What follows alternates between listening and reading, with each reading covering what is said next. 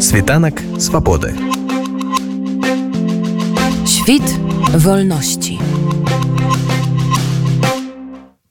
Праект паспалітае рушанне таксама вядомы як праект па стварэнні добраахвотных харухваў па-за межамі Беларусі рэарганізаваўся і цяпер становіцца цалкам незалежнай арганізацыі Іван Саванович даведаўся падрабязнасці пасля спроб супрацы з рознымі палітычнымі сіламі у тым ліку з ініцыятывай байпол і з прадстаўнікамі аб'яднанага пераходнага кабінету беларусі такімі як валер сахашчык і александр азараў ініцыятыва паспалітае рушэнне рэарганізавалася і стала незалежнай арганізацыяй але пры гэтым не згубіла сувязяў з вышэй названымі арганізацыямі. Кіраўнік паспалітага рушэння добраахвотнік з пазыўным гусар распавёў нашаму радыё аб тым як гэта адбылося з кім зараз супрацоўнічае ініцыятыва які якія яе мэты і бачанне далейших крокаў по вызваленні беларуси проект посполитворушения в том виде в котором он сейчас появился вот он был еще запланировал пом полгода назад в этом принимал участие три человека э, кирилл якимович который сейчас в украине вот сенат Э, позывной, я не могу называть его имя, фамилию, естественно, он э, тоже сейчас в Украине воюет, и мной, я сейчас нахожусь э, на территории Польши. Из-за разных перипетий, из-за разных моментов несогласованностей, посполитое рушение. Эта инициатива была как бы подхвачена разными другими организациями, то есть и Байпол пробовал заниматься хоругвями. Просто это называлось у Байпол хоругви непосполиторушение. Валерий Сахащик э, тоже начинал, э, сделал какие-то определенные шаги. Был э, на три было отправлено на тренировку несколько групп уже посполитоорушения. То есть определенные попытки были совершены, какие-то были достигнуты, были какие-то уже договоренности, был определенный успех, но для того, чтобы масштабно начать запустить такой проект, чтобы его структурировать, не хватило где-то не хватило ресурсов, может быть, где-то инициативы не хватило. Но смысл в том, что посполитое рушение э, на конец 2022 года э, не представляло собой какой-то единой эффективной организации, которая растет, развивается, э, имеет какие-то определенные цели и задачи.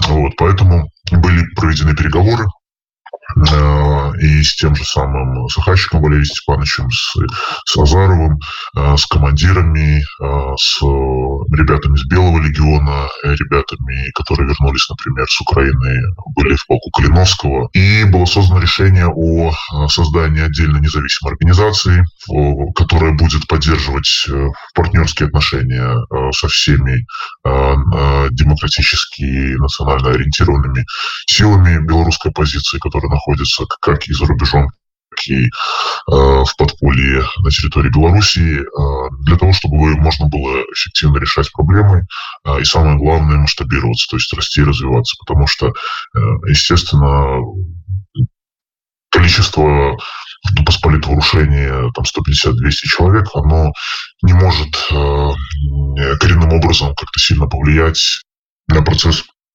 освобождения Беларуси.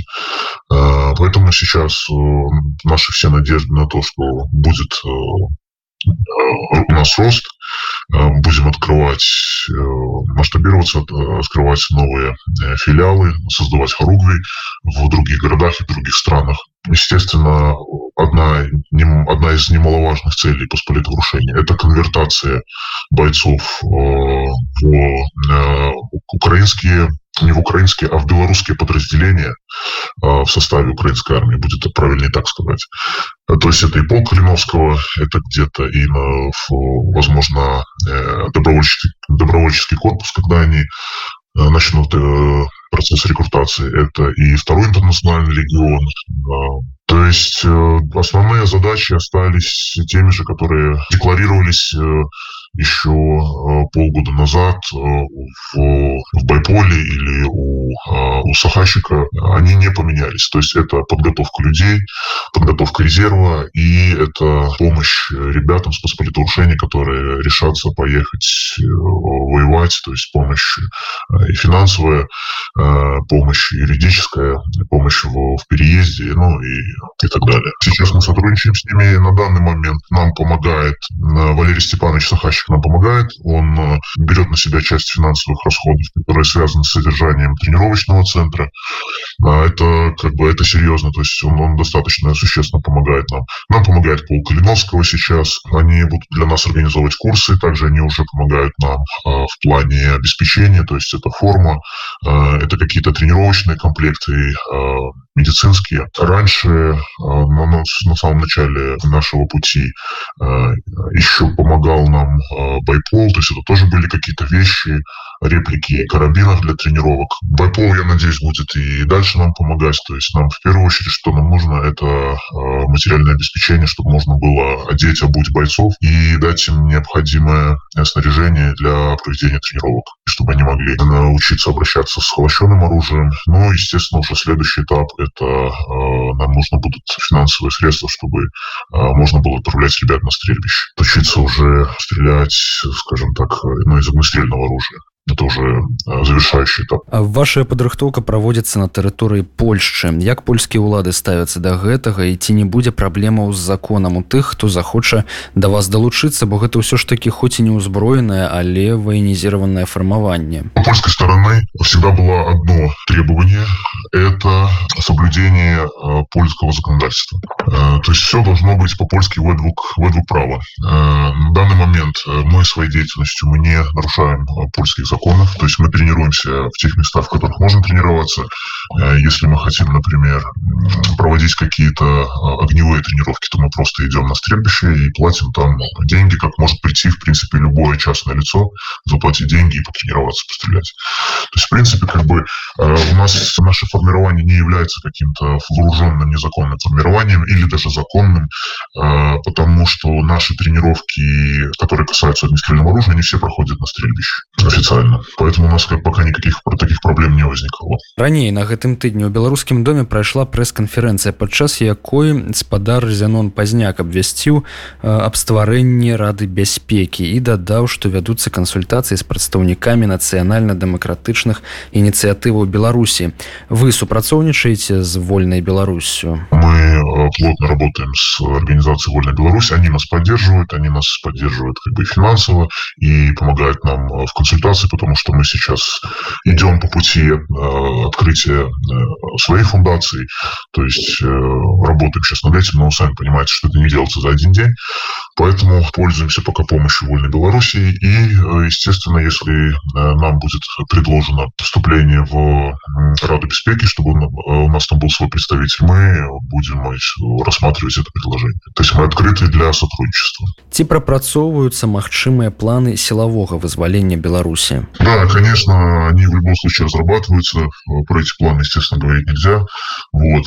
Больше про них вам, наверное, может сказать э, представители полка Клиновского э, и украинской стороны, потому что только от украинской стороны зависит, насколько вообще будет возможно освобождение Беларуси с э, украинской территории, потому что как-то надо будет заходить на территорию Беларуси. То есть это либо будет с территории Евросоюза, либо с территории Украины. Как это все будет происходить? Это очень большой вопрос, и он зависит в очень многом от э, политической воли Украины. Плюс, естественно, Украина не будет сама принимать этих решений, то есть все будет согласовано с европейскими партнерами, потому что здесь как бы здесь очень много рычагов взаимосвязаны между собой. А если говорить о том, э, как это все будет происходить, ну, опять же, все зависит еще от того, э, какой будет заключен мир, в каком будет состоянии Россия, вывезет ли она контингент, то есть, понимаете, огромное количество в этом уравнении неизвестных, поэтому сказать э, ничего определенно нельзя. Но чем сильнее Россия, тем меньше шансов, что Россия выведет э, войска э, из Беларуси, и тем меньше шансов на то, что европейские, ну, Евросоюз условно, и Украина будут рассматривать вариант э, освобождения Беларуси силовым путем. Единственный способ, как я вижу для нас, это ослабление России.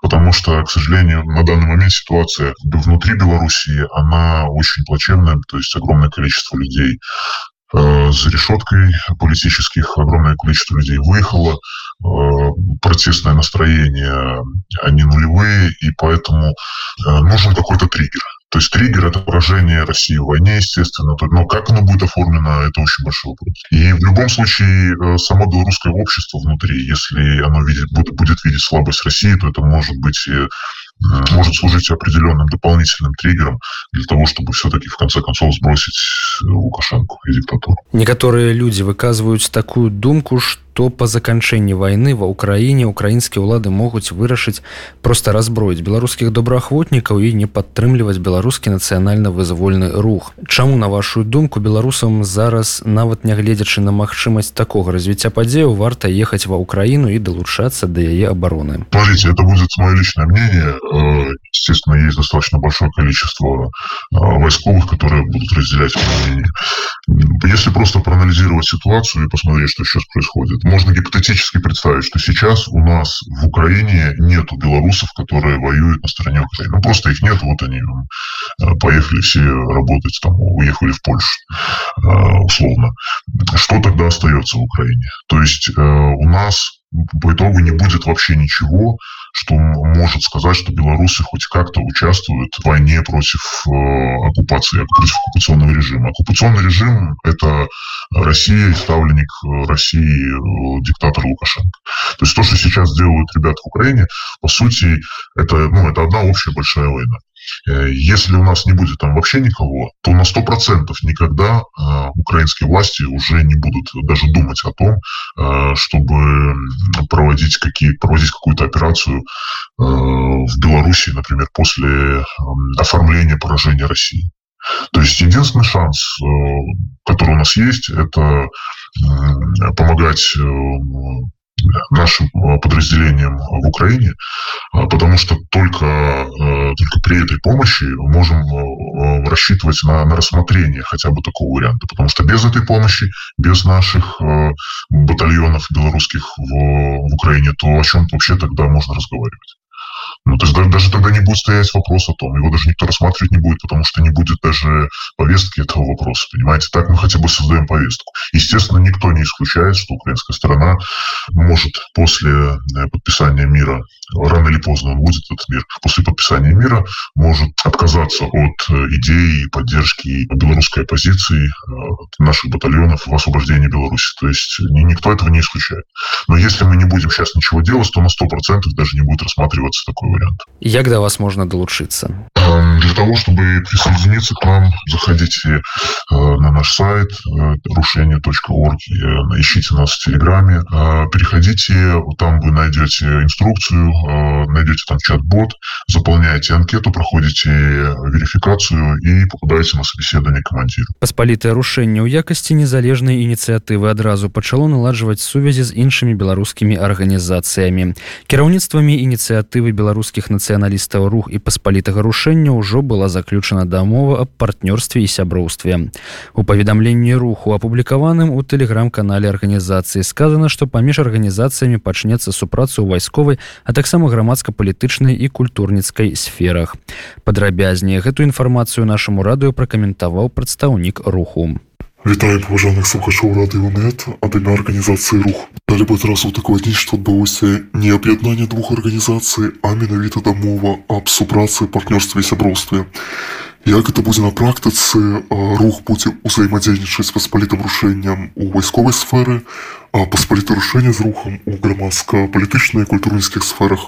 Такая супраца стала магчыма, таму што і рух і паспаліты рашэнне стаяць на даволі блізкіх ідэалагічных пазіцыях.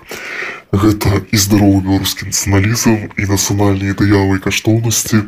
Ну і напэўна самае галоўнае наше жаданне і імкнення бачыць Беларусь незалежнай і вольнай ад калябарантаў і акупантаў. Супрацоўніцтва ў грамадска-палітычных культурніцкіх сферах будзе заключацца ў тым, што прадстаўнікі паспалітага рушэння будуць удзельнічаць у мерапрыемствах руха, Ну таксама будзе ладзіць агульныя мерапрыемствы ў гэтых напрамках накірунках.